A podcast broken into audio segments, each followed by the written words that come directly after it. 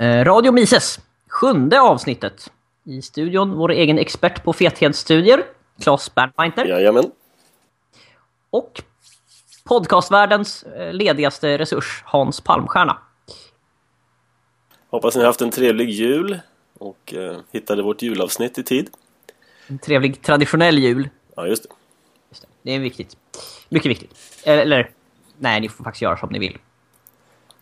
Men vi hade en tra trevlig traditionell jul i alla fall. Ja, till och med lutfisk i år faktiskt, första gången på länge. Så traditionell var jag.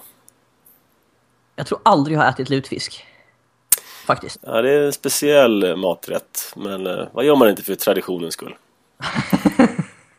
jag trycker eh, pliktskyldigast ner lite sill. Det är vad jag gör för traditionen. Mm. Och naturligtvis lyssna på när Klaus läser julevangeliet. Ja, eh, vi hoppar väl direkt in tror jag. Eh, och inleder med vårt eh, sedvanliga nyhetssegment, även känt som Dumstruten. Mm. Ja, var ska vi börja? Uh, ja, vi kan börja, börja med, med, hotet mot demokratin kanske? Ja, det tycker jag. Uh, det är så att de har nyheterna rapporterat att det finns ett stort hot mot demokratin uh, i Sverige. Är säkert även i andra länder. Det här är hotet är att ingen vet vad de röstar på. Ja, vad ska man säga? Det var en jag såg det var någon liten videosnutt som intervjuade vissa politiker som uttryckte oro över frågan. Men man kan se på ett annat sätt också. Att folk är smartare än vad eh, eh, politikerna tror. Att de helt enkelt är ointresserade.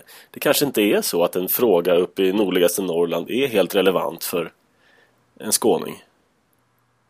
Ehm, utan eh, det kanske är så att folk på något slags rationellt sätt lägger tid och energi på det som ligger dem närmast. Ja, det är en ganska rationell analys.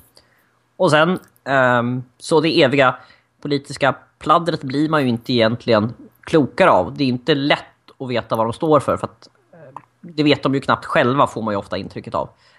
Um, det är ju någon form av, av åsiktskastande. Och sen ska man komma ihåg vilken drulle som sa vad. Eh, uh, Medan alla egentligen är överens i 95% av frågorna, det vill säga mer pengar till staten och mindre frihet till folket. Ja, och dessutom så spelar det ingen roll vad de säger heller. För det är inte, de är inte alltid bundna av sina egna löften och idéer heller, har vi förstått.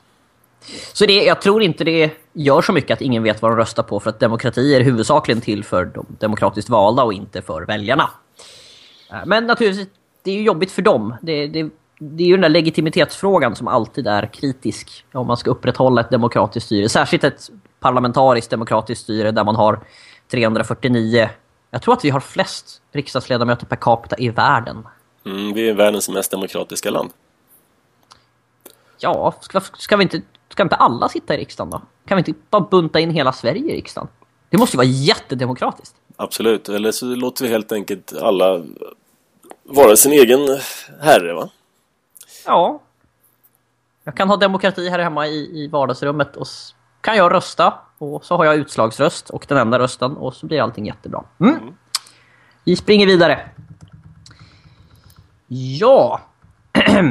det här med eh, spionering är ju jättekul. Eh, amerikanska NSA, som för övrigt, om ni inte har läst den nyheten, har visat sig att de lyssnar på allt. Eh, hela Snowden-skandalen har ju läckt ut. De har läckt några dokument åt gången. Det är oerhört taktiskt gjort det där, att han inte släpper allting på en gång. Så att säga. Ja, det är ju en publicistisk taktik för att hålla intresset uppe och det har de ju använt ganska väl tycker jag.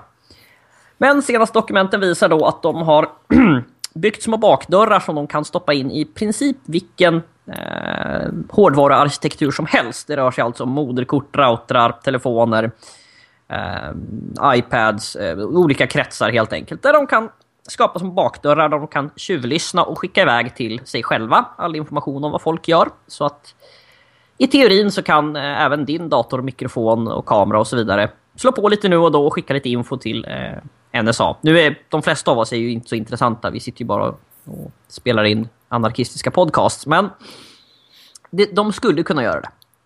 Jag läste den där på Zero Hedge. Um, how NSA hacked everything. Jag måste erkänna att jag gick igenom listan på olika tekniker och produkter som man använder sig av. Eh, det, det, var nästan så att det började snurra för huvudet på mig när jag insåg omfattningen av det här. Det, det är helt makalöst alltså. Ja, och jag har ju svårt att tro att det här är något de har hittat på nyligen. De måste ha hållit på i 20 år med, och för att det här kan inte vara första gången. Det är inte så att man hipp som happ kom på att vi ska bygga en bakdörrsteknologi, utan det tar ett bra tag att få fram såna här. Eh, framförallt har de ju sett till så att de inte, inte folk upptäcker dem så lätt också. Det vill säga, de använder inte nätverkstrafik om, om användaren gör någonting, utan de skickar sina grejer efteråt så att ingen ser vad som händer och sånt där. Så att jag, jag tror att det här har de hållit på med i 20-25 år och det enda anledningen till att vi vet om det är som sagt eh, att herr Snowden släppte ut det här. Men det är sannolikt inget nytt. Nej, det är, alla de här konspirationsteorierna eh, det verkar ju som att de flesta besannas en efter en. Va? Det här, för några år sedan så var man ju så kallad foliehatt om man trodde på det här Echelon, va? att de avlyssnade kablar liksom. Mm. Eh, det kan inte vara lätt att sälja foliehattar nu för tiden för att... Eh, Nej. Nå, i vilket fall. Nu har det visat sig att svenska FRA eh, går ju i princip i amerikanska ledband av historiska skäl så är inte det så konstigt. Vi har ju spionerat på ryssen åt USA i väldigt, väldigt många decennier. Men andra länder kring Östersjön börjar tycka att det här är lite otrevligt. Att veta att svenskarna avlyssnar all trafiken och skickar den till amerikanerna. Och var det ryssarna som hade planer på att lägga en egen internetkabel ner till Europa så de slapp gå igenom Sverige? Ja, jag tror det. Ryssland och Finland och det var fler som pratade om det här. Ja, så att... Eh... Man kan väl dra längs gasledningen där på Östersjöns botten helt enkelt. Ja, precis. Jag kommer ihåg när... Eh, var det IPRED? Lagstiftningen kan ha varit, eller så var det en FRA-lagstiftning. Jag pratade med en kille från Finland eh, och han hävdade att finska storföretag eh, började plocka hem sina servrar. De som hade servrar som stod i Sverige började plocka hem dem för att det fanns ju företagshemligheter på de där. Så att svenska, eh, svenska dataföretag som levererade servrar kunde inte längre ha dem stående i Sverige för att eh, det var, finnarna vill inte ha dem där längre. Just för att trafiken då går över gränsen naturligtvis. Mm. Så att ja, det är ju kul att svenska regeringen skjuter oss i foten återigen.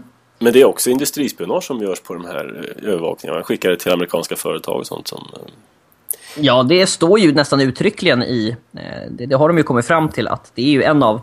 Jag tror att det är NSAs uppgifter att, att vara officiellt industrispionageorgan.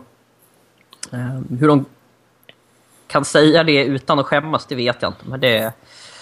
Ja, ja men det, det, är väl för barnens skull, skulle jag tro. Ja, barnen och så de fattiga. Mot terrorismen och, och, för barn och fattiga och gamla. Och, eh, ja, lyssnar vi på allt så blir moralen bättre. Det mm. sammanfatta så. Mm. Just det. Vad har vi mer? Ja, nu tänkte jag att du skulle få stoltsera lite här. Eh, det är ju så att alla vet att det finns väldigt mycket överviktiga i USA. Ja, det här är mitt område. Mm, eh, det är precis. mitt område, just det. jo, man, kan, att... man kan lösa det på olika sätt. Mm. Vad är det senaste? Det senaste är att vi startar kampanjer för att folk ska sluta prata om fetma. Kvinnor då. Och nej, jag skojar inte. Det är tydligen så att kvinnor mår så dåligt av att det pratas om att de är så tjocka som de faktiskt är, vilket leder till diabetes och annat. Så för att lösa det här, så att de inte mår så dåligt, så slutar vi helt enkelt prata om det.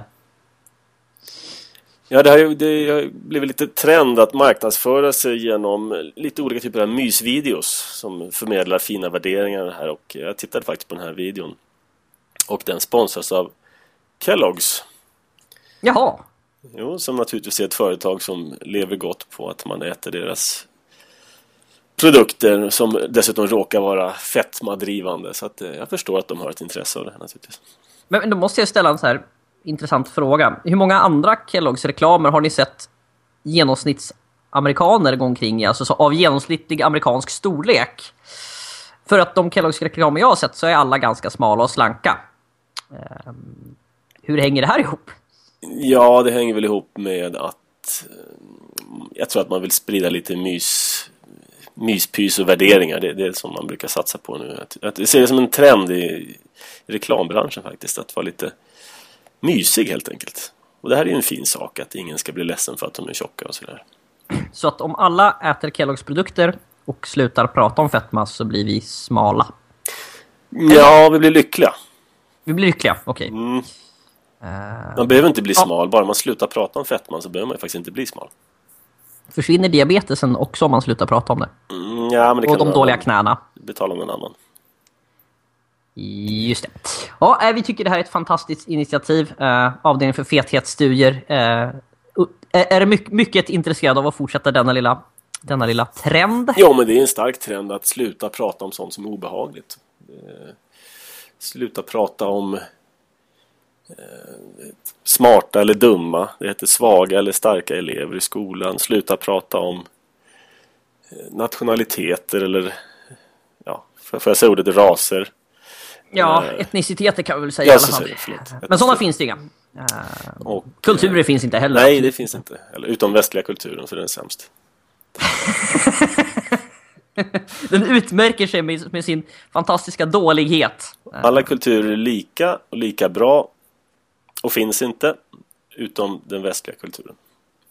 Det är nästan som kristendomen bland religioner. Mm, den finns inte heller. Ja, nej, nu får vi sluta innan vi får alldeles för roligt. Ehm, När vi ändå pratar om kvinnor kan vi väl prata om henfronten. ja, just det. Det här var ju lite roligt. Det var ju någon man, jag tror att han fick sitta i SVT's, eller om det var TV4, det var någon morgonsoffa och förklara att han skulle ha ett mansfritt 2014.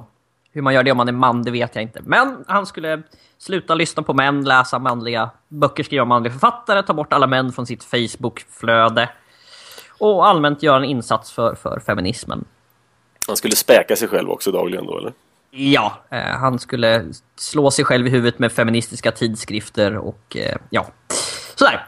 Eh, och eh, reaktionerna var ju blandade och ganska underhållande.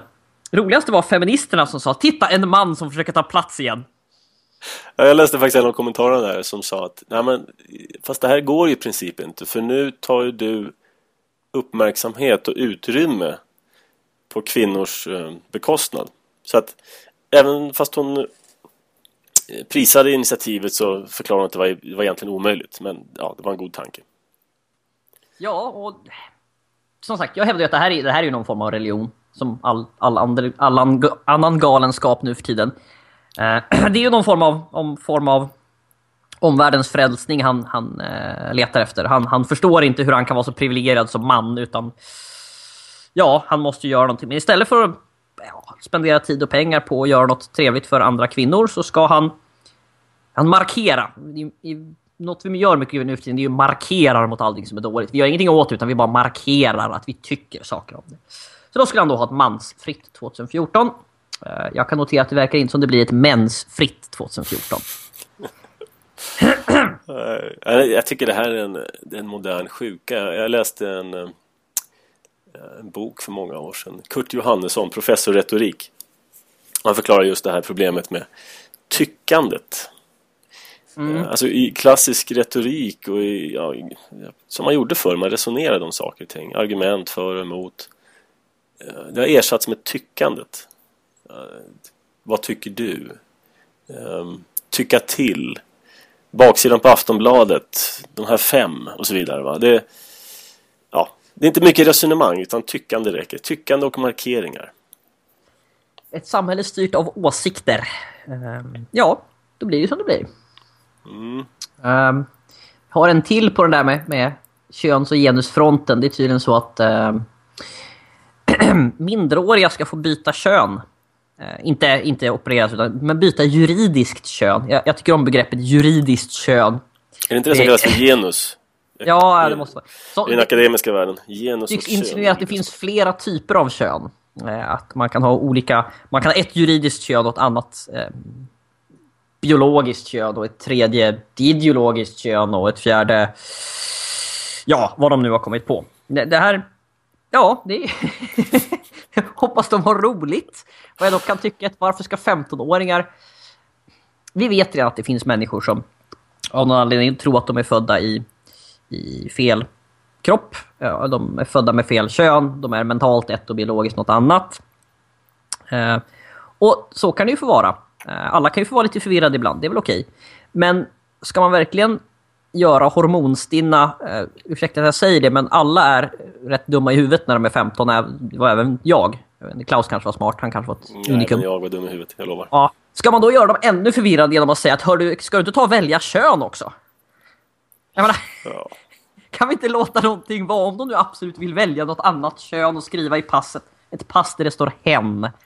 Eh, så kan de få göra det i vuxen ålder. Men nej, det är mycket viktigt. Det, man skulle kunna tro att eh, 50% av Sveriges befolkning hör till HBTQ-lobbyn, för det här är så viktigt. Ja, det här är en av de största frågorna i Sverige nu. Eh, jag lyfter fram den här faktiskt. Och någon ställde mig lite frågan lite förvirrat. Ja, men vad då? Hur ska man se på det här ur ett frihetligt perspektiv? Eh, är det inte upp till var och en? Alltså hur strider det här mot friheten? Ja, det strider väl inte mot frihet annat än att det, det blir alltid problem när staten blandar sig in i såna här saker. Det, det tenderar att uppmuntra och subventionera galenskap så fort, man ger sig in, så fort staten ger sig in i någonting. Och det, det är väl mest ett exempel på det. Va? Ja, om pojkar vill springa omkring i klänningar får de väl göra det. Det är ja. inte mitt problem. Men att staten sen ska utfärda bevis där det står ja, du är en flicka. Uh, ja, och sen, här, ja, och sen, varför syfte fyller det? Ja, och sen blir det ju problem om det här sen påverkar eh, fredligt folk. Va? Till exempel någon som driver företag som tycker att det här är en produkt som riktar sig till män eller kvinnor och så kommer någon med ett bevis där det står att staten lovar att jag faktiskt är en flicka. Fast ja, det passar sig illa med den affär som jag driver just nu, vad det nu kan vara för någonting. Om det är toaletter eller omklädningsrum eller vad det kan vara för någonting. Va? jag kommer just att tänka på de, på de eh, könsneutrala toaletterna och eh, hen som inte fick gå på fel toa. Han kanske, det är kanske han som vill ha ett sånt här bevis. Så att han får gå på damtoaletten. Ja, det är där det, är där det blir problem naturligtvis. Va? Ja, och sen är det ju så också att ja, eh, det jag är mest trött på är att det här räknas som nyheter. Eh, jag menar, jag läser ju inte tidningar i onödan, men jag önskar att det fanns någon tidning man kunde läsa som inte tog upp det här tramset. Att, att någon kunde vara ockuperad med något annat och framförallt att de som ska föreställa samhällets ledare då eh, åtminstone kunde vara eh, ha den goda smaken att inte tramsa omkring så mycket med meningslösa små petitessfrågor. Men, men. Ja, det är på något sätt intellektuell nedsmutsning av eh, eten på något sätt. Man ja, orkar inte med det. Man blir lite trött liksom. Man blir matt. Ja, nej, vi skiter i det rent ut sagt. Vi går vidare. Ja. Uh, en båt har vi också. Uh, en båt? En båt? Ja, den som frös fast i... De skulle upp och bevisa att det fanns så fruktansvärt lite is eller nerfått i Antarktis. Ja, vad säger man? Jag tror de är räddade nu med helikopterhjälp. Mm, de skickade dit två eller tre isbrytare och ingen kunde ta sig fram för det var så mycket is. Isbrytarna klarade det. De var så, nej det är för tjockt, vi kan inte köra vidare, sorry. Så jag vet inte hur expeditionen gick, vad de fick uppmätt för isvolym. Jag misstänker att det kommer en rapport om tre månader där det står katastrof, isen på Antarktis finns bara på två ställen. Vi råkade segla in i det igen. Ja, Nej, det var fint. Det var fint. Det är vad man kallar för kosmisk rättvisa. Ja, helt klart. Eh, ett citat kan vi ta också. Det var någon liten rapport om att våldsbrottsligheten har ökat i princip alla län i, Sverige och inte lite heller de senaste tio åren. Det rör sig om mellan 30 till 75 procents ökning av anmälda brott. Men vadå? Senast ett halvår sedan läste jag i DN att våldsbrottsligheten hade minskat. Mm. Nu ska du få det här citatet. Citat. Men i en del län kan ökningen av anmälningar även innebära en faktisk ökning av våldsbrottet. Ah, så det är inte bara anmälningsbenägenheten här alltså? Nej, i några enstaka fall kan det faktiskt röra sig om att brottsligheten har ökat också. Men i de allra flesta fallen så är det benägenheten Självklart. att anmäla? Självklart. Grundteorin är alltid anmälningsbenägenheten. Här kan du fråga Sarnecki eller någon av de där fantastiska professorerna om att eftersom anmälningsbenägenheten från början var tydligen noll. En gång i tiden så anmälde folk inga brott och nu har de börjat göra det, alltså går brottsligheten uppåt. Vi fortsätter, vi ser med spänning fram till den dagen där anmälningsbenägenheten går över 100%. Får de ja, hitta en ny förklaring. Kan man få en siffra på anmälningsbenägenheten och hur den har ökat? Ja, du kan väl ta någon nationalekonom som kan få göra en liten keynesiansk eh, aggregering av det där och komma fram till att eh, den är antingen mer eller mindre, men, eh, men eh, eh, om vi slösar lite pengar på en statlig utredning om anmälningsbenägenhetens ehm, eh, frekvens och, och föränderlighet över tid så kan vi säkert om 10-15 år komma fram till att vi fortfarande inte riktigt vet. Mm. Vi får lite önskningar om teman här ibland skickat till oss och invandringen är en sån fråga som vi kanske ska ta tag i någon dag. Men har du läst den här debatten mellan DN och Svenska Dagbladet, Lena Andersson och Sanna Reimann? Ja, Lena Andersson är, är intressant ska sägas. Eh, även om hon inte har rätt eh, i allt. Eller jag vet inte ens om hon har rätt särskilt ofta. Men hon är ganska intressant. Hon är ganska duktig på att skriva. Och hon hon är ganska klarsynt ibland. Eh, men ibland så är hon mindre klarsynt och det här är kanske en sån gång. Ja, hon har ju faktiskt skrivit en hel del halvt insiktsfulla grejer tycker jag.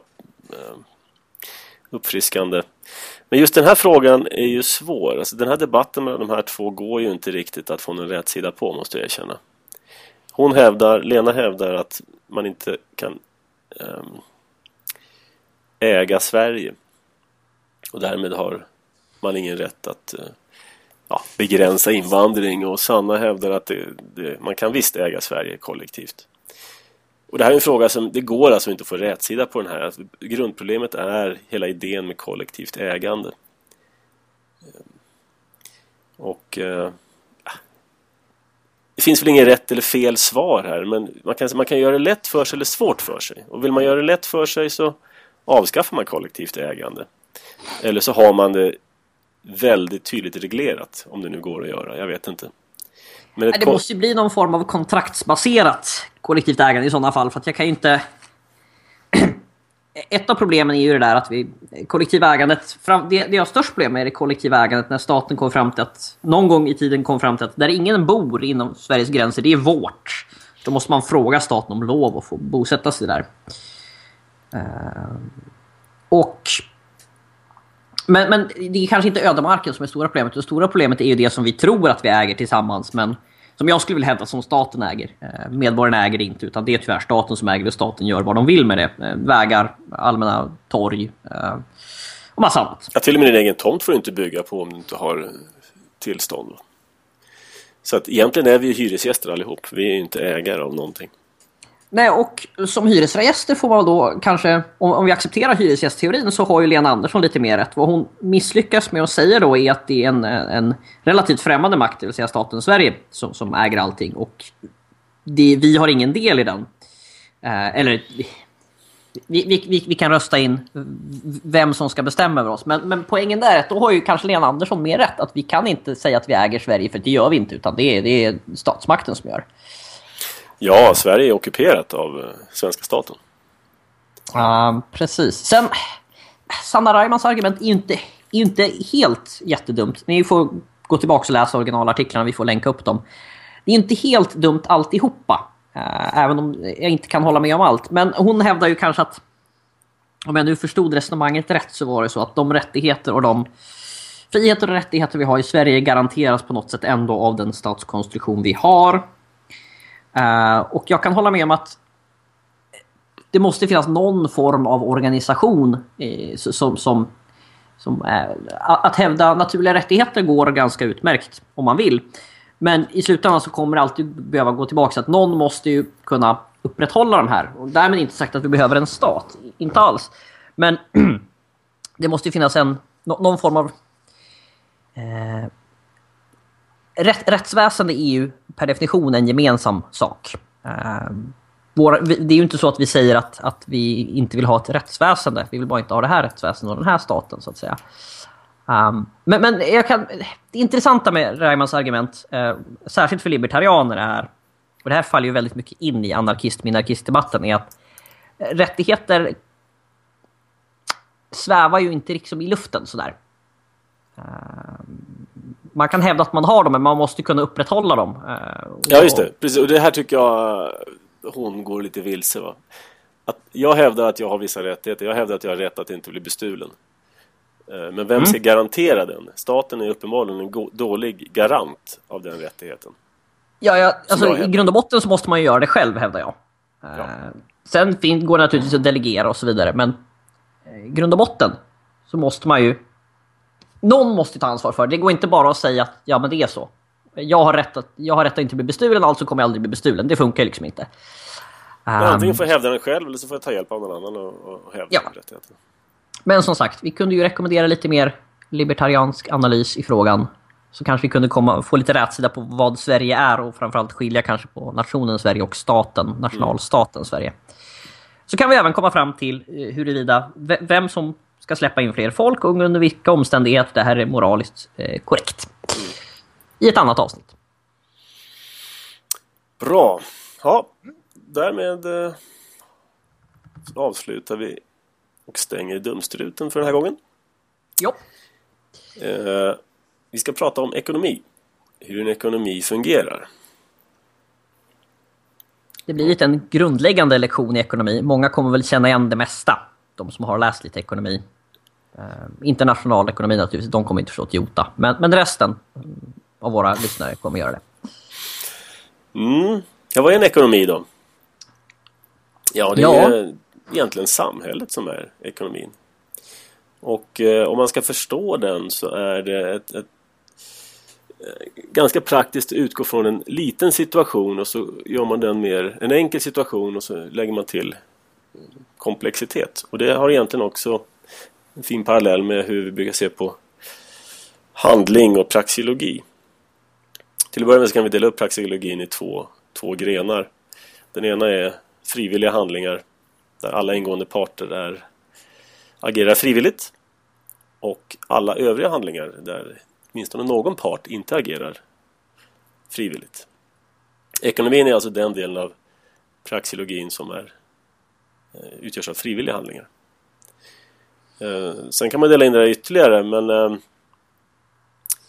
eh, ett sätt, ja, en, en, nästa steg i indelningen är att titta på ekonomin bara en person inblandad. Då har vi rensat bort ganska mycket komplexitet. Och eh, då brukar vi ta till det som kallas för Robinson Crusoe-ekonomi. Mm, klassiskt exempel. Det finns en rätt bra bok om det här som vi kan prata lite mer om sen också. Ja, det är väl ganska många som använder sig av just Robinson Crusoe eftersom det är så enkelt att börja där. Eh, en ensam man på en ö. Eh, vad kan han göra för att förbättra sitt, sin ställning i världen? Eh, och vi antar att han är fattig och ja, måste försörja sig själv. praxeologin innebär ju att människor använder sina tillbuds stående medel för att uppnå sina önskade mål. Vad kan Robinson Crusoe ha för medel och mål? Ja, han kan till exempel ha ett mål om att få mera mat. Och de medel han har är hans tid till exempel. Och de råvaror som han hittar omkring sig. Eh, och då kan det finnas ett, en Robinson Crusoe som väljer att använda sin tid och sina medel för att bli mer produktiv. Vi antar att han äter fisk eller någonting sånt va. Och då kan han till exempel välja mellan att säga att han får en fisk om dagen. Säg att han får två fiskar om dagen. Eh, han kan då välja mellan att jobba lite hårdare och få in lite mer fisk. Eller han kan jobba lite mindre och få in mindre. Och han kan välja att lägga sin övriga fritid eh, på att bygga ett nät. Och på det här sättet kan vi då se att den typ av investering han gör, för att kunna bygga ett nät så måste han fiska lite hårdare någon dag så att han kan leva på den fisken medan han bygger sitt nät. Eh, och det här är en typ av sparande han gör då. Och det här sparandet leder till att han kan ackumulera kapital, vilket är ett nät. Och det här, här kan nät... jag passa... Ja, förlåt. Nej, jag kan passa på att påpeka att det är naturligtvis... det här är en fråga om prioritering också. Robinson Crusoe kanske vill jobba på solbrännan istället. Och då blir det inget nät. Ehm, om han viss, viss, vissa Robinson Crusoe ehm, tycker att det här med spara och investera är ju inte så, inte så jättekul. Utan de vill hellre jobba på solbrännan. Ehm, och då blir det inget nät. Och då blir de, kommer de inte komma så långt. Medan andra mer sparsamma Robinson Crusoe kommer naturligtvis bygga ett nät och kunna fiska mer fisk. Ja, precis. Och det här är ju det som är grejen i praxeologi. Den säger ju inte att Robinson Crusoe är en rationell person och därför kommer han att bygga ett nät för att han ska kunna Eh, maximera profiten. Utan det här är helt upp till var och en. Som du sa, vissa Robinson Crusoe har den värderingen, andra har det inte. Så det går inte att säga generellt att detta kommer att ske. Utan det beror helt enkelt på vad man har för värdeskalor själv. Ja, men vi får väl anta en, en ganska sparsam Robinson Crusoe om vi ska kunna komma vidare i argumentet. A, a, a, argumentet? Resonemanget menade jag. Det intressanta här är ju att ju mer han sparar desto mer kan han bygga sitt kapital. desto mer nät kan han bygga. Desto mer produktiv kan han bli eh, i sin ekonomi eller sin verksamhet. Och eh, man brukar tala om ekonomi, ekonomins storlek, ekonomisk tillväxt. Eh, ekonomins storlek brukar man ju säga är eh, summan av allt som produceras. Det finns vissa problem med att tala om ekonomins storlek. Jag menar, så länge Robinson Crusoe bara producerar fisk så går det ju an att säga att i år var ekonomin 500 fiskar och förra året var den bara 400 fiskar. Men så fort han börjar producera mer saker än en fisk och bär till exempel så går det inte längre att säga det finns inget objektivt mått som kan kokas ihop till en siffra som säger hur stor ekonomin är. Eh, tusen bär och 500 fiskar, ja. Och nästa år så var det 1100 bär och 700 fiskar. Hur ska man... Liksom ja, har BNP vuxit då? Ja, hur ska man räkna ut en, en tillväxt i en sån ekonomi? Nej, vi tycker ju om att använda naturligtvis pengar som, som gemensam nämnare. Men eh, problemet jag tror Klaus försöker påpeka här är att i teorin kan man producera väldigt många saker men det går inte att säga hur mycket folk vill ha dem. Jag menar, vi skulle kunna producera en herrans massa... Ja, vad ska vi ta? Uh, Ikea-bokhyllor. Säg att vi skulle slösa eh, hälften... Alla i hela landet slösar hälften av sin tid på att producera Ikea-bokhyllor. Det blir väldigt mycket Ikea-bokhyllor producerat, men eh, det är ingen som blir särskilt glad av det. Eh, Nej, det man försöker göra är att ta volymen av någonting som produceras gånger dess pris och sen så summerar man ihop det där över alla produkter som tillverkas. Så säger man det här är ekonomins storlek. Och så justerar man hit och dit och så får man fram ett, ett tal då. Ja, produktionen är ju inte homogen naturligtvis. Uh, vi producerar ju en herrans massa olika saker. Och, och sen finns det ju saker som vi producerar som inte går att mäta i pengar, som aldrig säljs för pengar. Uh, fritid är en sån sak till exempel. Som inte går att mäta i pengar. Nej, skogspromenader och ja. mys hemma Men, åter till Robinson Crusoe. Vi antar att han sparar en hel del och, och bygger sina nät. Uh, han sparar fisk så han har tid att bygga nät, så bygger han nät och så får han mer fisk. Men han väljer att fortsätta spara majoriteten av den här fisken så han ska kunna bygga ännu mer saker. Bättre hydda och, och stuprännor och, och vattensamlare och alltihopa.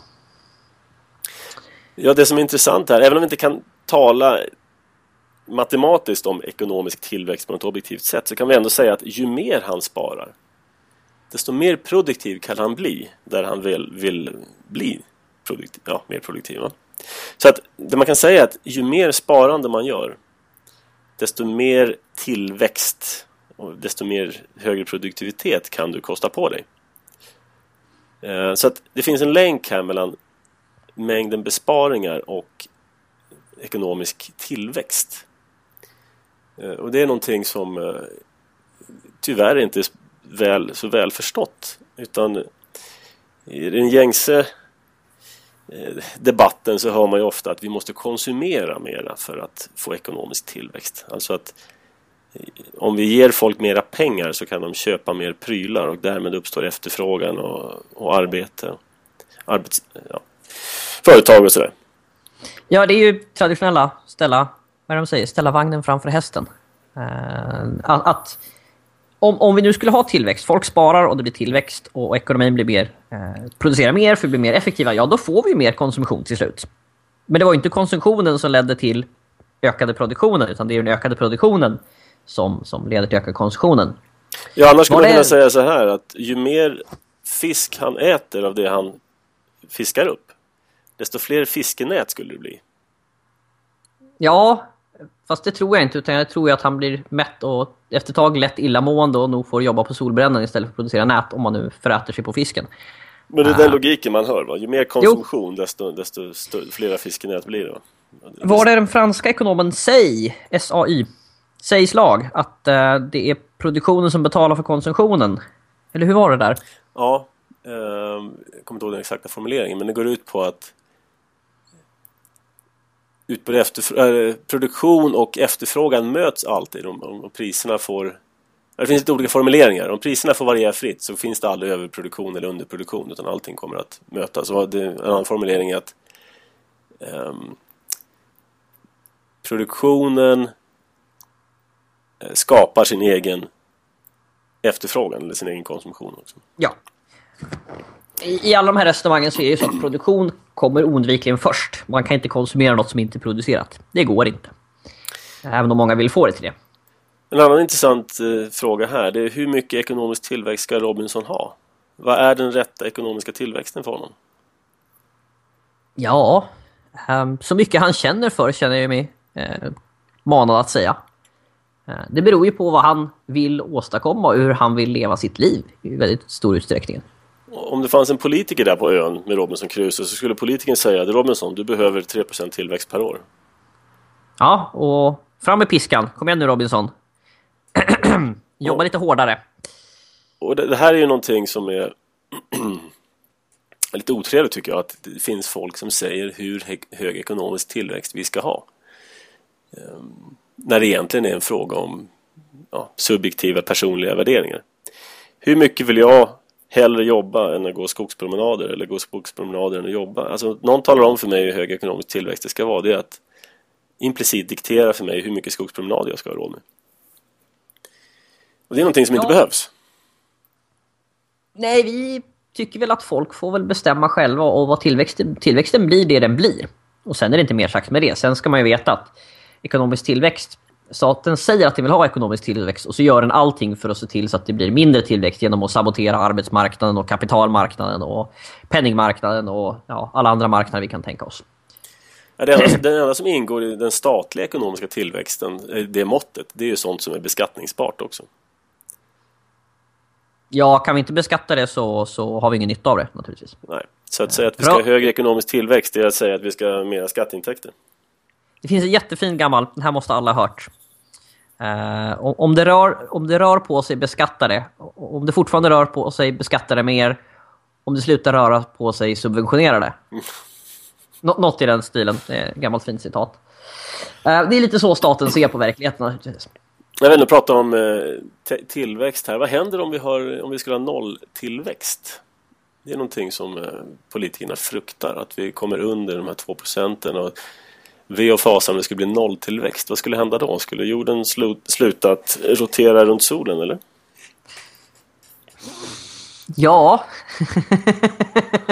jag sitter och försöker komma på om jag kan få ihop det sambandet på något bra sätt. Men om Robinson skulle bestämma sig att jag är nöjd med livet. Jag behöver ingen mer tillväxt. Mm. Skulle han kunna överleva då fortfarande? Ja, då kommer livet fortsätta ungefär som det gjorde igår och förra året. Eh, och det är ju, om det är så han vill ha det så får man ju bara gratulera. Eh, att han har uppnått ett tillstånd där han är ganska nöjd med hur saker utvecklas och inte tycker att det behöver bli särskilt mycket mer tillväxt utan han kan äta lagom mängd fisk och, så vidare. Och det, det, gäller ju för oss också naturligtvis. Eh, för de flesta av oss ska sägas gäller det att om vi har nolltillväxt, ja men då fortsätter saker i genomsnitt ungefär som förra året. Sen finns det ju vissa institutioner som inte klarar av det här. Till exempel staten. Eh, det finns, det finns en annan komplikation här också. Om du befinner dig i ett tillstånd med konkurrens då uppstår lite andra effekter om du väljer att ha nolltillväxt. Eh, då, då, om omvärlden blir allt mer produktiv runt omkring dig eh, och du producerar i samma takt med samma träredskap och vad det nu är. Va? Då kommer du till slut få svårt att sälja dina varor internationellt. Ja, eller till utomstående. Eh, vilket gör att du kommer halka tillbaka förmodligen i, i din välståndsnivå. Eh, och, men, men det är ingenting som betyder att någon ska diktera för mig hur hög tillväxt jag ska producera. Utan det är återigen en subjektiv fråga. Vill jag halka tillbaka till mer primitiva tider så ja. De flesta vill ju inte det naturligtvis. Nej. Det här ser vi ju att, att eh, den, den, om vi får kalla det den västerländska kapitalismen, har ju spridit sig till nästan alla delar av världen. Och inte huvudsakligen på diktat, nästan inte alls på diktat, utan snarare så att folk frivilligt har anammat eh, produktionsmetoder, utländska produktionsmetoder, det vill säga folk har frivilligt låtit eh, utländska fabriker komma in och, och slå sig ner eh, för att de vill också ha eh, ekonomisk tillväxt. Eh, man kan naturligtvis argumentera för det där med hur mycket tillväxt folk vill ha och så vidare och vad tillväxt är bra för. Men vi kan ju lugnt konstatera att i Indien och Kina så har de haft en enorm nytta av, av ekonomisk tillväxt eftersom de svälter inte längre. Eh, så det tror jag att de är ganska glada för. Eh, sen, ja, precis.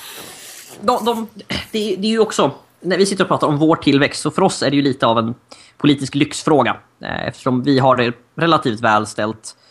Eh, men i vissa länder så är det en fråga om liv och död. Och till exempel i Afrika, eh, som ju var efter att kolonialismen tog slut så många afrikanska stater blev ganska socialistiska och eftersom socialism är inte särskilt bra för ekonomin så blev de fattiga och svalt.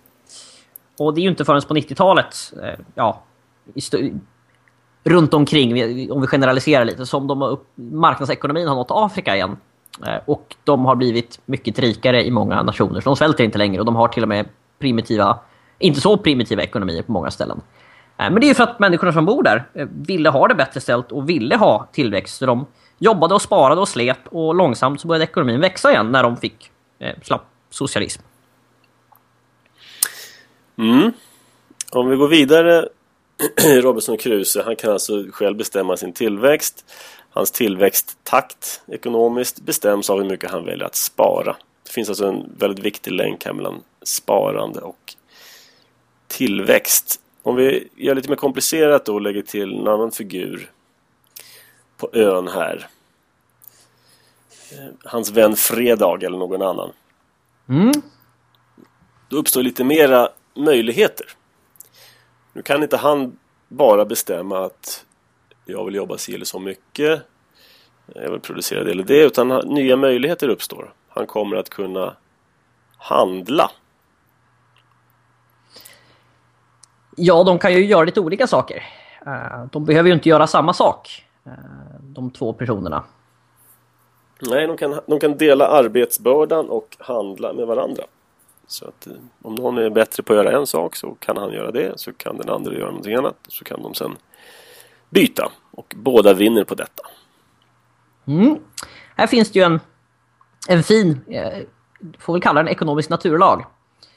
Eh, det är nämligen så att två personer, oavsett hur bra de är på olika saker, kan alltid hitta ett sätt att tjäna på att handla med varandra. Eh, dels har vi det med att vissa människor är bra på vissa saker och andra är bra på andra. Då ägnar sig alla åt det de är bäst på naturligtvis. Så, så får vi öka vi det totala välståndet. Uh, man byter det, man, man, båda byter sitt överskott. Det är det vi kallar för med... absoluta fördelar. Jag är bättre på odla potatis och du är bättre på att fiska eller du har hav och jag har mark. Ja. Men till och med om båda om, förlåt, om den ena personen är bättre än den andra personen på allting i hela världen. Säg att jag är bättre, du kan få vara bättre än mig, nu ska vi ödmjuk. Du kan vara bättre än mig på precis allting i hela världen.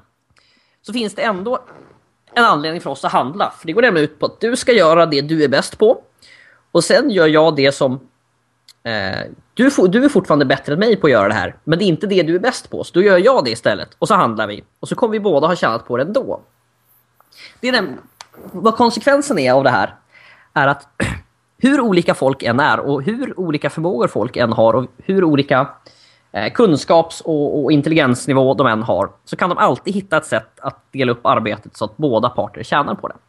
Ett ganska vanligt det... exempel är ju en läkare som är bättre både på att läka och på att skriva maskin eller dator då. Och så har han en mm. sekreterare som är eh, sämre på att läka människor och faktiskt också sämre på att skriva på datorn eller maskinen.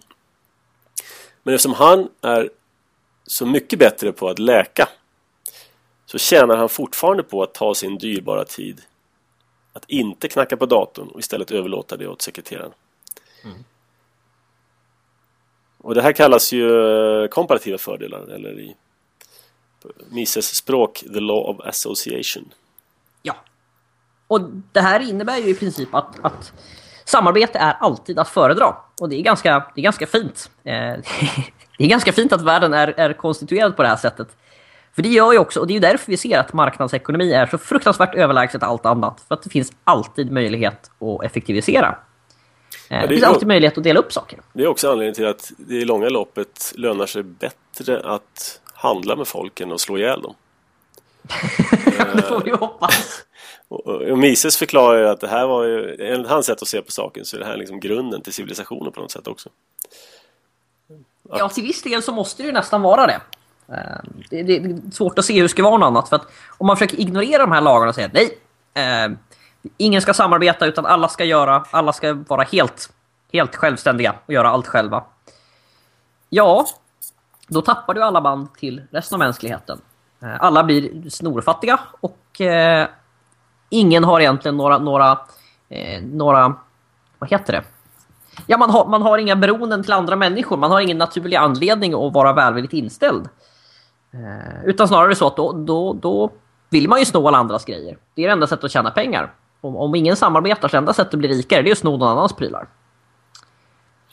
Ja, och omvänt kan man säga att allting som försvårar den här typen av handel kommer ju att leda till mindre välstånd än vad som hade varit möjligt.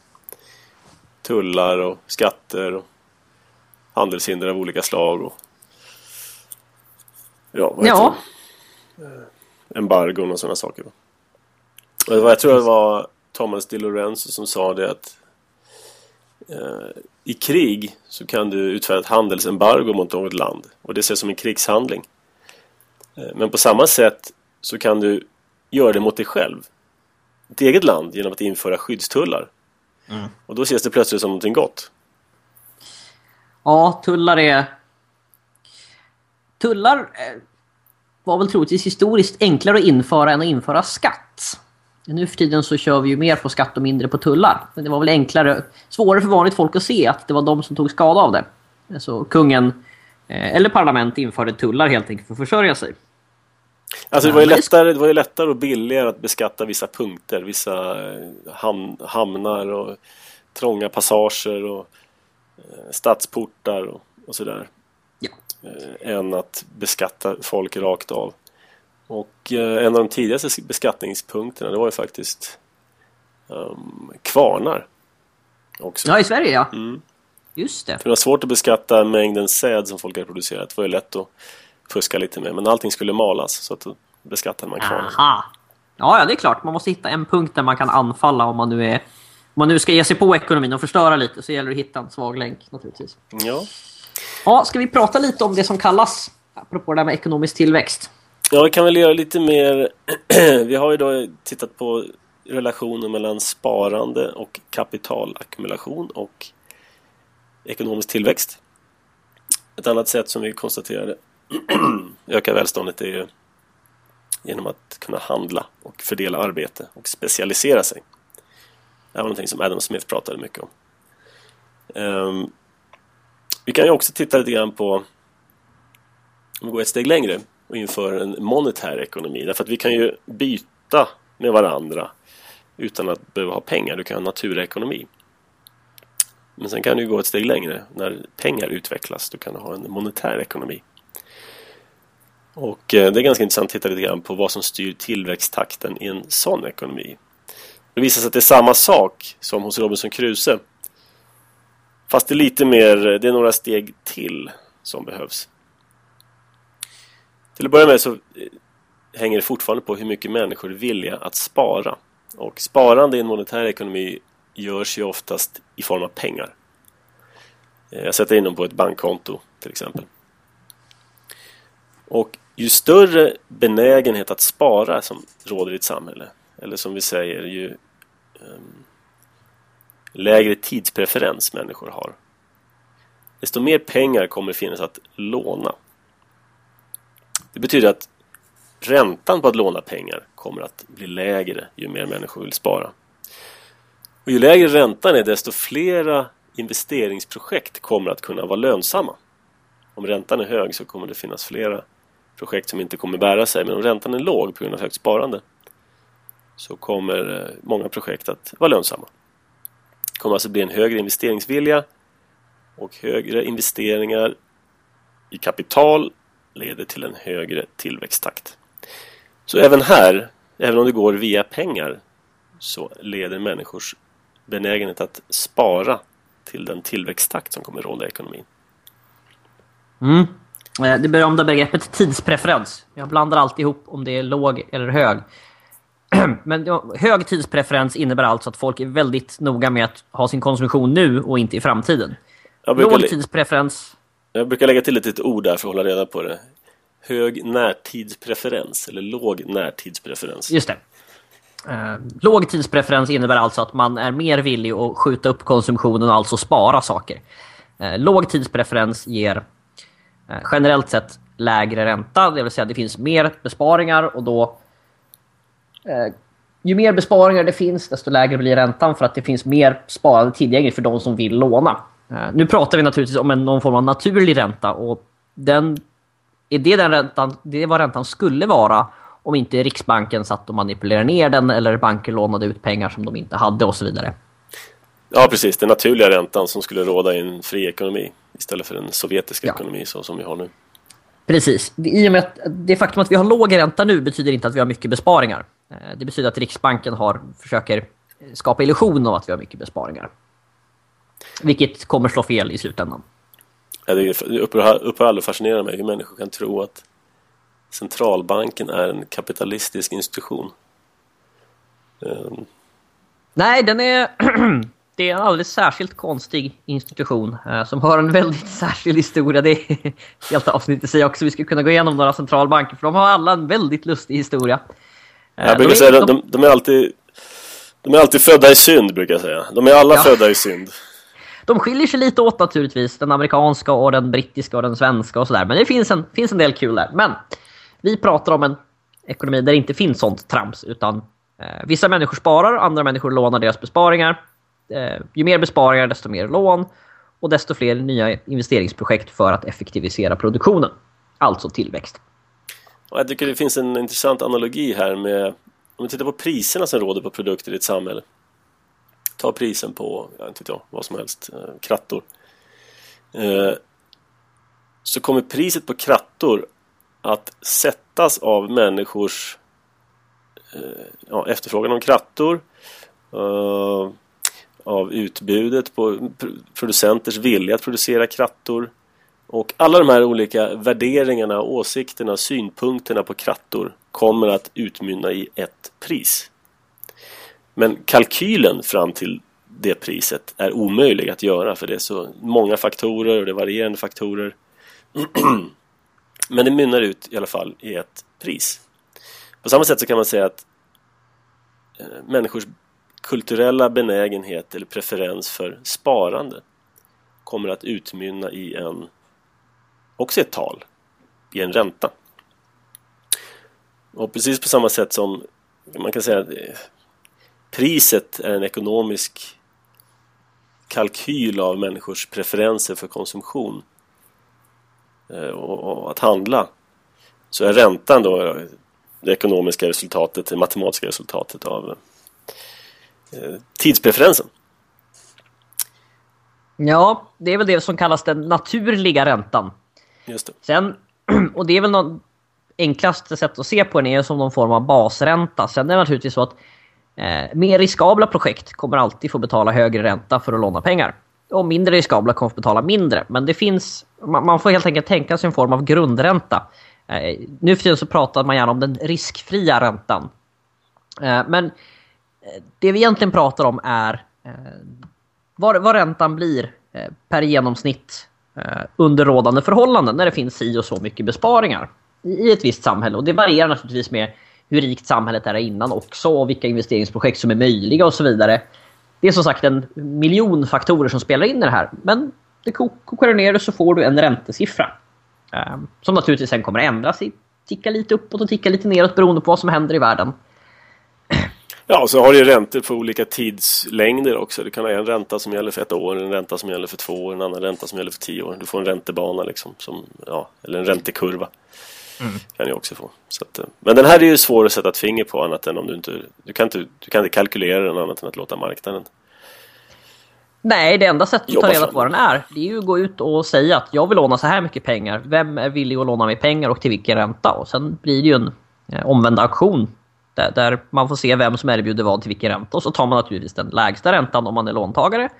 Och, och som eh, långivare så försöker man skjuta, ger man pengar till den som betalar högst ränta. Så det är en form av... Marknaden är ju ett stort auktionsförfarande på det sättet. Ja, men våra politiker nöjer sig inte med den naturliga tillväxten, räntan och den naturliga tillväxten som följer av den naturliga räntan. Utan det ska vara mera. det ska det. Och det här är ju något som är inte en speciellt, det är inte nödvändigtvis en högeridé det här att det ska vara ekonomisk tillväxt utan intressant nog så är det här lika mycket en vänsteridé. Vi såg till exempel när vi talade om eh, det kommunistiska manifestet med Marx att här skulle obrukad jord tas i bruk och fabriker skulle rullas ut och produktion. Alltså mycket av den här marxistiska idén handlar ju också om att effektivisera produktionen för man tror att man med science, med vetenskap, den vetenskapliga socialismen ehm, ska kunna göra produktionen effektivare. Och man ska kunna få bort den slösaktiga konkurrensen. För varför ska vi ha två stycken telefontillverkare som slösar pengar på forskning och utveckling när det räcker med en som kan styras av visa byråkrater? Mm, ja, socialismen eh, var ju notoriskt dålig på det där med att förstå vad en marknad var till för. Nämligen att om det finns flera aktörer så kommer vissa vara bättre och sämre. Men när de sämre går i konkurs så blir de bättre kvar och framförallt så leder konkurrensen till att det blir press på producenterna och konstant förbättra sig. Eh, och den här, det här tänkte ju att socialisterna, nej men vi kan ju bara säga att, att producenterna ska bli bättre. Om vi är producenterna så kommer vi konstant förbättra saker för att det är, vi vill ju väl naturligtvis. Vad de inte förstod är att det behövs en utslagsprocess där den som, den som inte är tillräckligt effektiv riskerar konkurs. Det är liksom incitamentstrukturen för en fri marknad. Att den som lyckas bäst vinner och får mest vinst. Ja, så behöver vi dessutom en process där många aktörer försöker lista ut vad konsumenterna vill ha. Istället för att e- en aktör dikterar vad konsumenterna ska ha. Så ju fler vi har som försöker förstå konsumenternas önskemål och intressen desto bättre möjlighet har vi att kunna upptäcka och eh, följa. Ja, annars blir det ju som i Sovjet där det stod rostande traktorer på åkrarna för det fanns ingen bensin och ingen skulle inte köra dem. Eh, de var jätteduktiga på att producera traktorer som inte behövdes. För att det fanns ingen marknad för traktorer. Så de trodde att det behövdes väldigt många. Mm. Sen har vi i Sverige har vi ju något jag tycker om att återkomma till. Lite svensk ekonomisk historia från 1900-talet. Den berömda Rehn-Meidner-planen. Som väl gällde från ja, efterkrigstiden så var det några LO-ekonomer som kom fram till att eh, vi skulle minsann planera den svenska ekonomin. Eh, LO, Landsorganisationen, fackförbunden i sam samarbete med staten och eh, till viss del näringslivet. Då. Det som är intressant är att ju mer man läser om det här, eh, desto mer inser man att Socialdemokraterna har inte bara varit ett parti som ligger lite till vänster. De har också varit ett fruktansvärt korporatistiskt parti. Eh, det är mycket stor industri och det är mycket uh, slut småföretag för att öka effektiviteten och, och, saker som något de kallade för rörlighetsstimulerande arbetsmarknadspolitik som sen döptes om av motståndarna till flyttlasspolitiken. Det vill säga tvinga folk att flytta till större städer där det finns uh, större och effektivare fabriker. Man hade ju en liknande ideal i jordbruket faktiskt om man läser jordbrukets historia. Så ville man ju slå ut och lägga ner små jordbruk för att bygga stora jordbruk effektivare också. Så på så sätt så slog man ju sönder svenska ja, landsbygden. Samtidigt som hela landet skulle leva så var man fullt upptagen med att förstöra hela landet på det sättet. Ja, vi ser ju hur det går. Jag menar visst, vi har, vi har slagit sönder de flesta småjordbruk och så finns några jättar kvar men det går inte särskilt bra för dem heller. För att de lever fortfarande under statligt regelverk. Och nu EU-regelverk och, och så vidare. Och så ska de konkurrera med Eh, franska bönder som är subventionerade av Frankrike och så vidare. Så att det, man kan ju säga att det var ju ingen större nytta med, med, med eh, den, den, centralt planerade effektiviseringen. För det, det verkar inte ha gått så bra helt enkelt. Nej, eh, vi har ju flera andra exempel. Vilket annat land förresten har det här konceptet med industrisemester? Nu är det kanske inte så relevant längre idag men under många år var det ju en slags ja. central planering när folk skulle vara lediga också. Ja, det är fortfarande så att stora delar av Sverige stänger ju under juli. Nu för tiden så får man ju ta in, eh, får man ta in vikarier eller HU eh, konsulter från, från bemanningsföretag. Eh, sånt här som vänstern vill avskaffa. De vill tillbaka till när Sverige stängde ner under juli månad. Men det är ett konstigt påfund. Helt klart. Jag tror inte de har det i USA om vi säger så. Eller kanske du vet? Nej, jag vet inget annat land i världen som har någonting som kallas för industrisemester på det sättet heller faktiskt. Utan man försöker hålla det snurrande. Eh, andra exempel på den här korporatist, korporativistiska synsättet är ju världens bästa skola där man ska producera kugghjul för industrin på löpande band. Eh, arbetare Eh, som inte är alltför upptagna med att tänka och filosofera men däremot dra i spakar och skruva muttrar och sådär. Ja, det där tror jag man kan läsa om redan från redan från en ganska tidig eh, tidiga planer för skolväsendet i Sverige så var det just att man skulle för nationens bästa skulle man, skulle man eh, eh, lära medborgarna att läsa knapphändigt och framförallt, framförallt eh, utbilda så att de kunde bli duktiga arbetare. Sen blev det ju mer, sen blev det ju mer viktigt med socialistisk indoktrinering efter ett tag. Eh, man skulle uppfostra goda, goda socialister. Ehm, eh, skapa den nya medborgaren. Då skulle han inte bara vara en duktig arbetare, han skulle rösta åt rätt håll också. Vi kommer, jag kan härmed lova att vi kommer ta ett skolavsnitt på den här podcasten där vi ska gå igenom svenska skolans historia.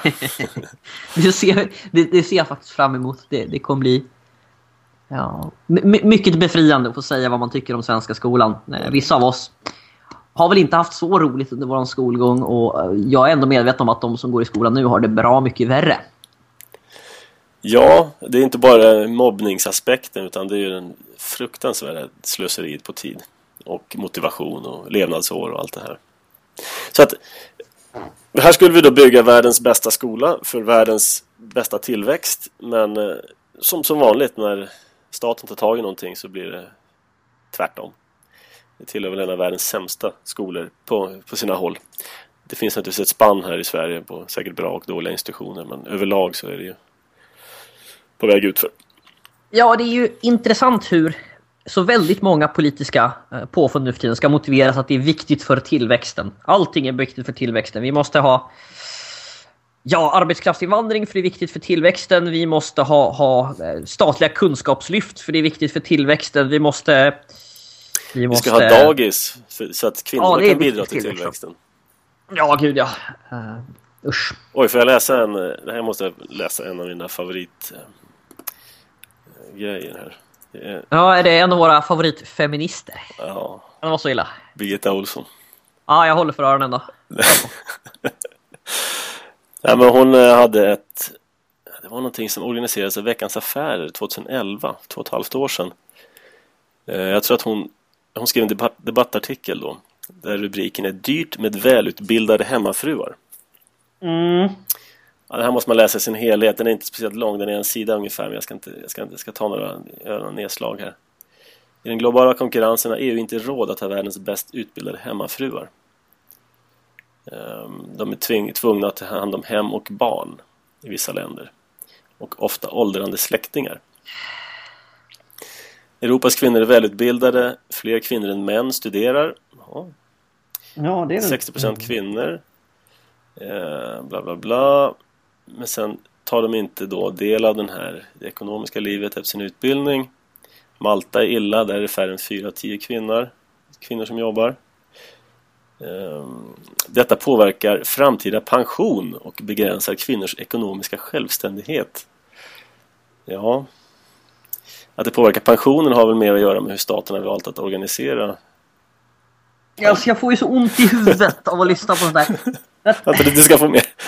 Ja, det kommer mer. Ja. Det, här, det här är bra. Att kvinnors vilja att arbeta inte tas tillvara fullt ut är inte endast en fråga för individen. Unionens Nähe. BNP skulle kunna öka med hela 27 procent om kvinnor jobbade i lika stor utsträckning som män. I EU visar en forskningsrapport från Feministuniversitetet Umeå. feminister. Vad de här människorna inte förstår att det kan faktiskt finnas en annan kvinna. Jag råkar veta att det finns en annan, jag har pratat med henne två. Som faktiskt gärna spenderar lite tid med sina barn. Eller med sina föräldrar. Eller inte. De tycks tro att meningen med livet är att löneslava. Jag tycker inte det är så jädra kul att jobba i onödan. Jag gör det för pengarna huvudsakligen. Visst, det kan vara kul ibland men det är här eviga pekpinnar om hur man ska leva sina liv. Jag menar, visst, Birgitta Olsson, jättekul för dig att du är kul på jobbet när du sitter och slösar upp våra skattepengar. Men vissa andra försöker ibland vara med sina barn eller göra något utvecklande. Aj, mitt huvud! Ja, men det står ju här att det är inte enbart en fråga för individen. Det är unionen Nej. som hänger på det här. Unionen också, ja herregud. Ja, där unionen. BNP. Och här, alliansregeringen kräver att mäns och kvinnors sysselsättning skall vara minst 75% i EU. Alltså de kräver det? Ja, de är stolta över att de har lyckats övertyga EUs regeringar mm. att det är ett gemensamt mål i nya tillväxtstrategin EU 2020. Fler kvinnor i arbete innebär högre BNP och därmed högre skatteintäkter. Där kom Jaha, det. Jaha, okej, där kom det. Mm. För att, eh, ja, högre BNP innebär även, nu för tiden innebär det eh, ganska uteslutet att folk får mindre tid att göra det de faktiskt vill eftersom de ska eh, med statliga styrmedel jobba mera. Eh, för att, ja, de ska väl ha högre lön i Bryssel gissar jag. Det är det Cecilia Malmström som kommer att ha dragit in 25 mil eller någonting på att sitta där och vifta med armarna och, och, och tillsammans med Birgitta Olsson. Och lämna, ut, Olsson. lämna ut Europas eh, banksparares konton till USA och såna här grejer. Ja, visst. Nej, det är ju... som sagt, det är lustigt hur den ekonomiska tillväxten är målet med allting. Uh, och det är lustigt hur, hur de här människorna kan sitta och kräva att deras eh, livsval ska vara våra livsval. Eh, för att det är bra för oss då naturligtvis.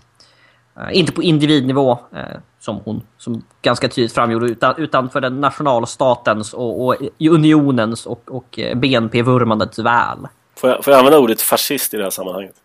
Ja, det är ju inte långt ifrån. Alltså, om vi tar bort den militaristiska, även om Birgitta Olsson ofta ser ut som hon marscherar. Så. Nej, men om vi tar bort det militaristiska så på ekonomisk nivå så är det här ren fascism. Man, man, ska, man ska låtsas att folk har eh, fri, ett fritt val och har, eh, äger sina tillgångar. Men i själva verket så ska det skattas så att deras mål om, om nationens storhet ska, ska eh, främjas.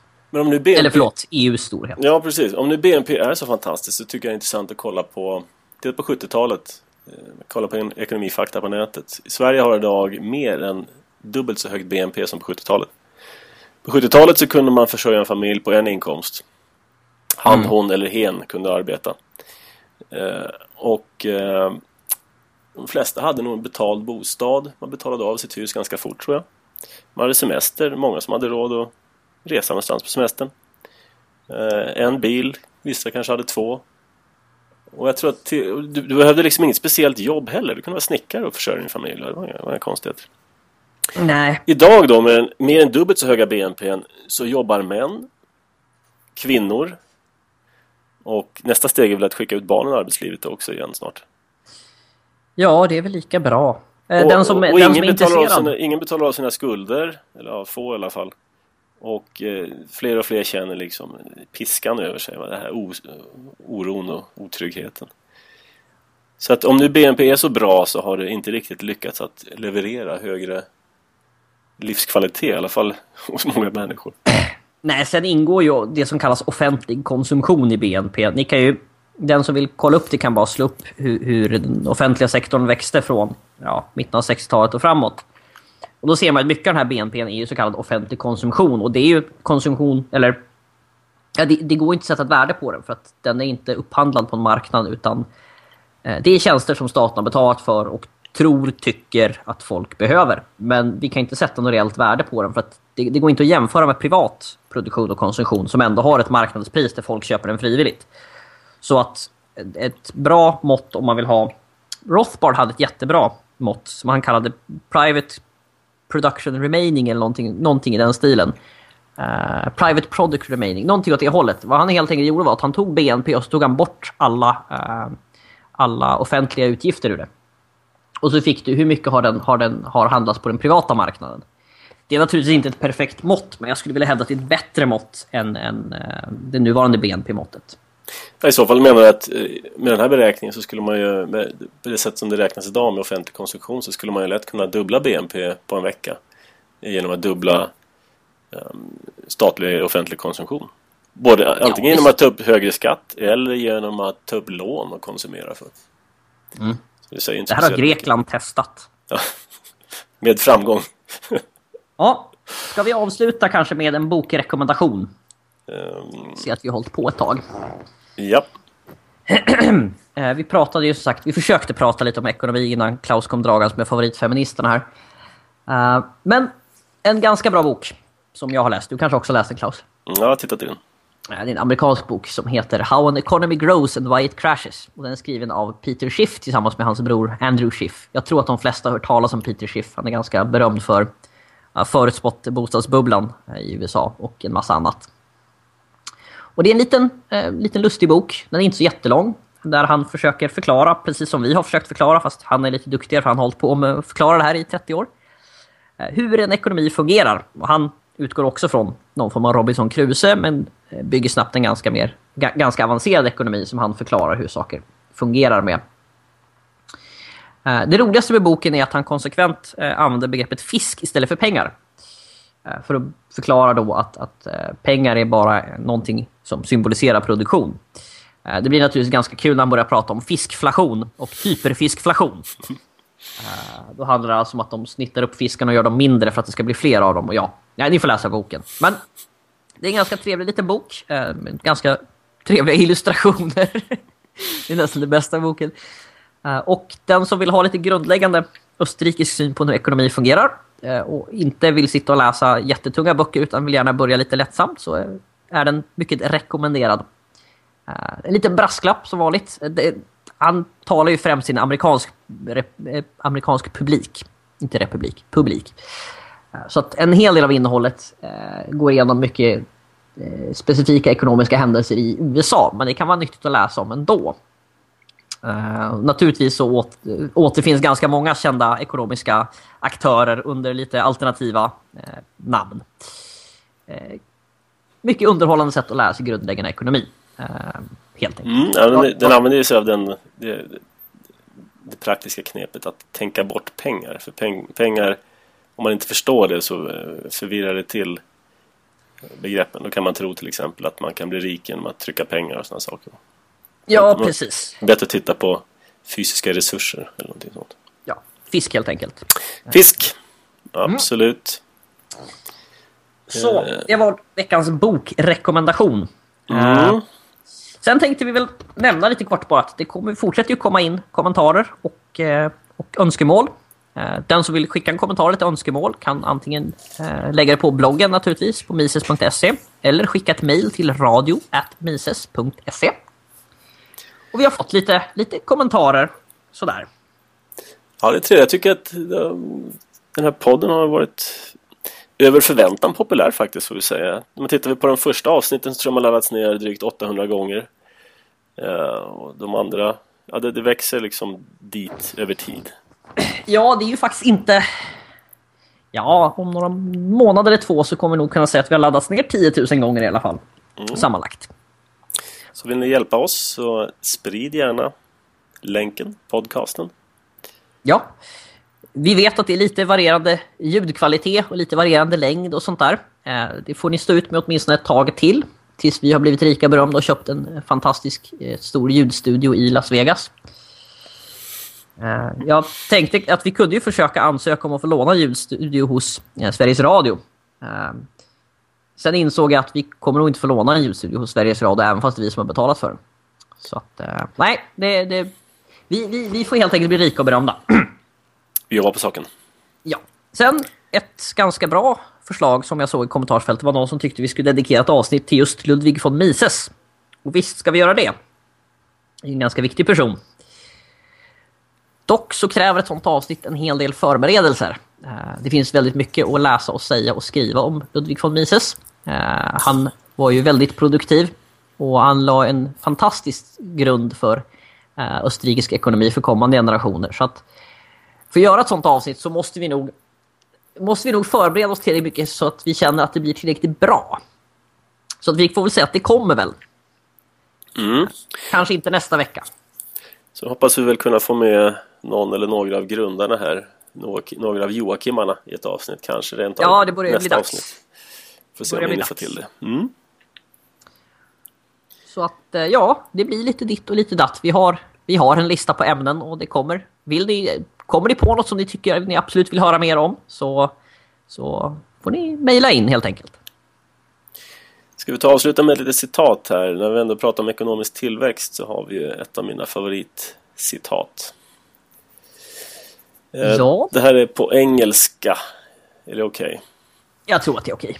Okay. jag ska försöka prata engelska. Det var en, eh, jag tror han var en slags guvernör i Hongkong.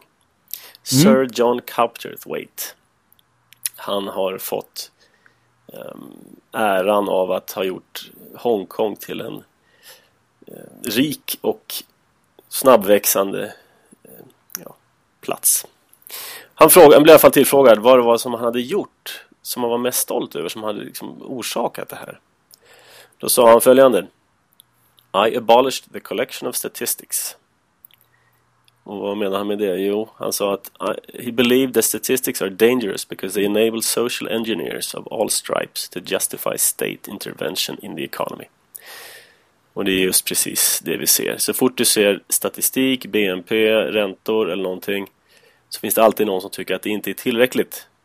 Vi kan göra det större, snabbare, högre. Och sen gör man någonting och sen kommer bieffekten av detta att leda till precis motsatt effekt eller någon helt annan otrevlig effekt. Ja, det är ju alltid någon klåpare som tror att de, de kan eh, vinna över marknaden. Uh, någon, någon, som inte orkar sätta upp ett eget företag blir politiker istället. Och sen, sen, sen ska de spöa marknaden och göra saker bättre. Just det. Och därmed så tackar vi för oss den här gången. Mm. Hej så länge. Adjö, adjö.